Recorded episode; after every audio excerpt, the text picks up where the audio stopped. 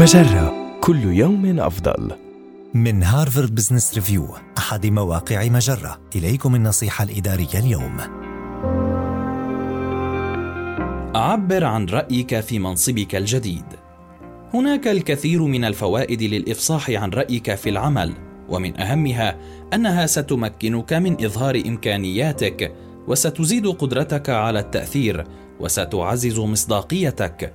ولكن عندما تكون موظفا جديدا في المؤسسة قد يكون من الصعب أن تعرف التوقيت المناسب لتوصيل وجهة نظرك والأسلوب الأمثل لتوصيلها. وإذا أردت أن تعبر عن رأيك بقدر أكبر من الارتياح فعليك أن تؤدي بعض الأعمال التمهيدية اولا.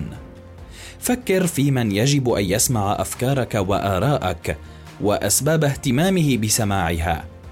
ناقش أفكارك مع أعضاء الفريق أو الزملاء أو الموجهين الآخرين الأكثر تمرسا حتى تتعرف على رؤاهم وتصوراتهم قبل طرح فكرتك في اجتماع عام أو قبل عرضها على مديرك.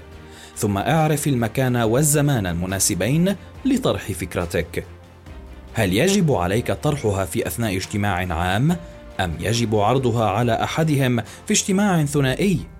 أم يجب أن تعرضها من خلال إرسالها في بريد إلكتروني؟ وعندما تعبر عن آرائك، احرص على صياغة اقتراحاتك بشكل استراتيجي.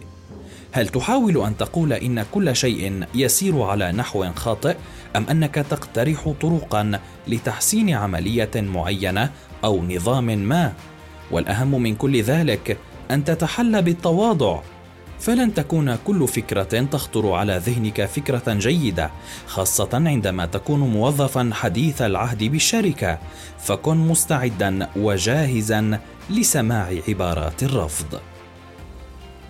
هذه النصيحة من مقال لا تخشى التعبير عن رأيك في العمل وإليك الطريقة الصحيحة لفعل ذلك. النصيحة الإدارية تأتيكم من هارفارد بزنس ريفيو أحد مواقع مجرة.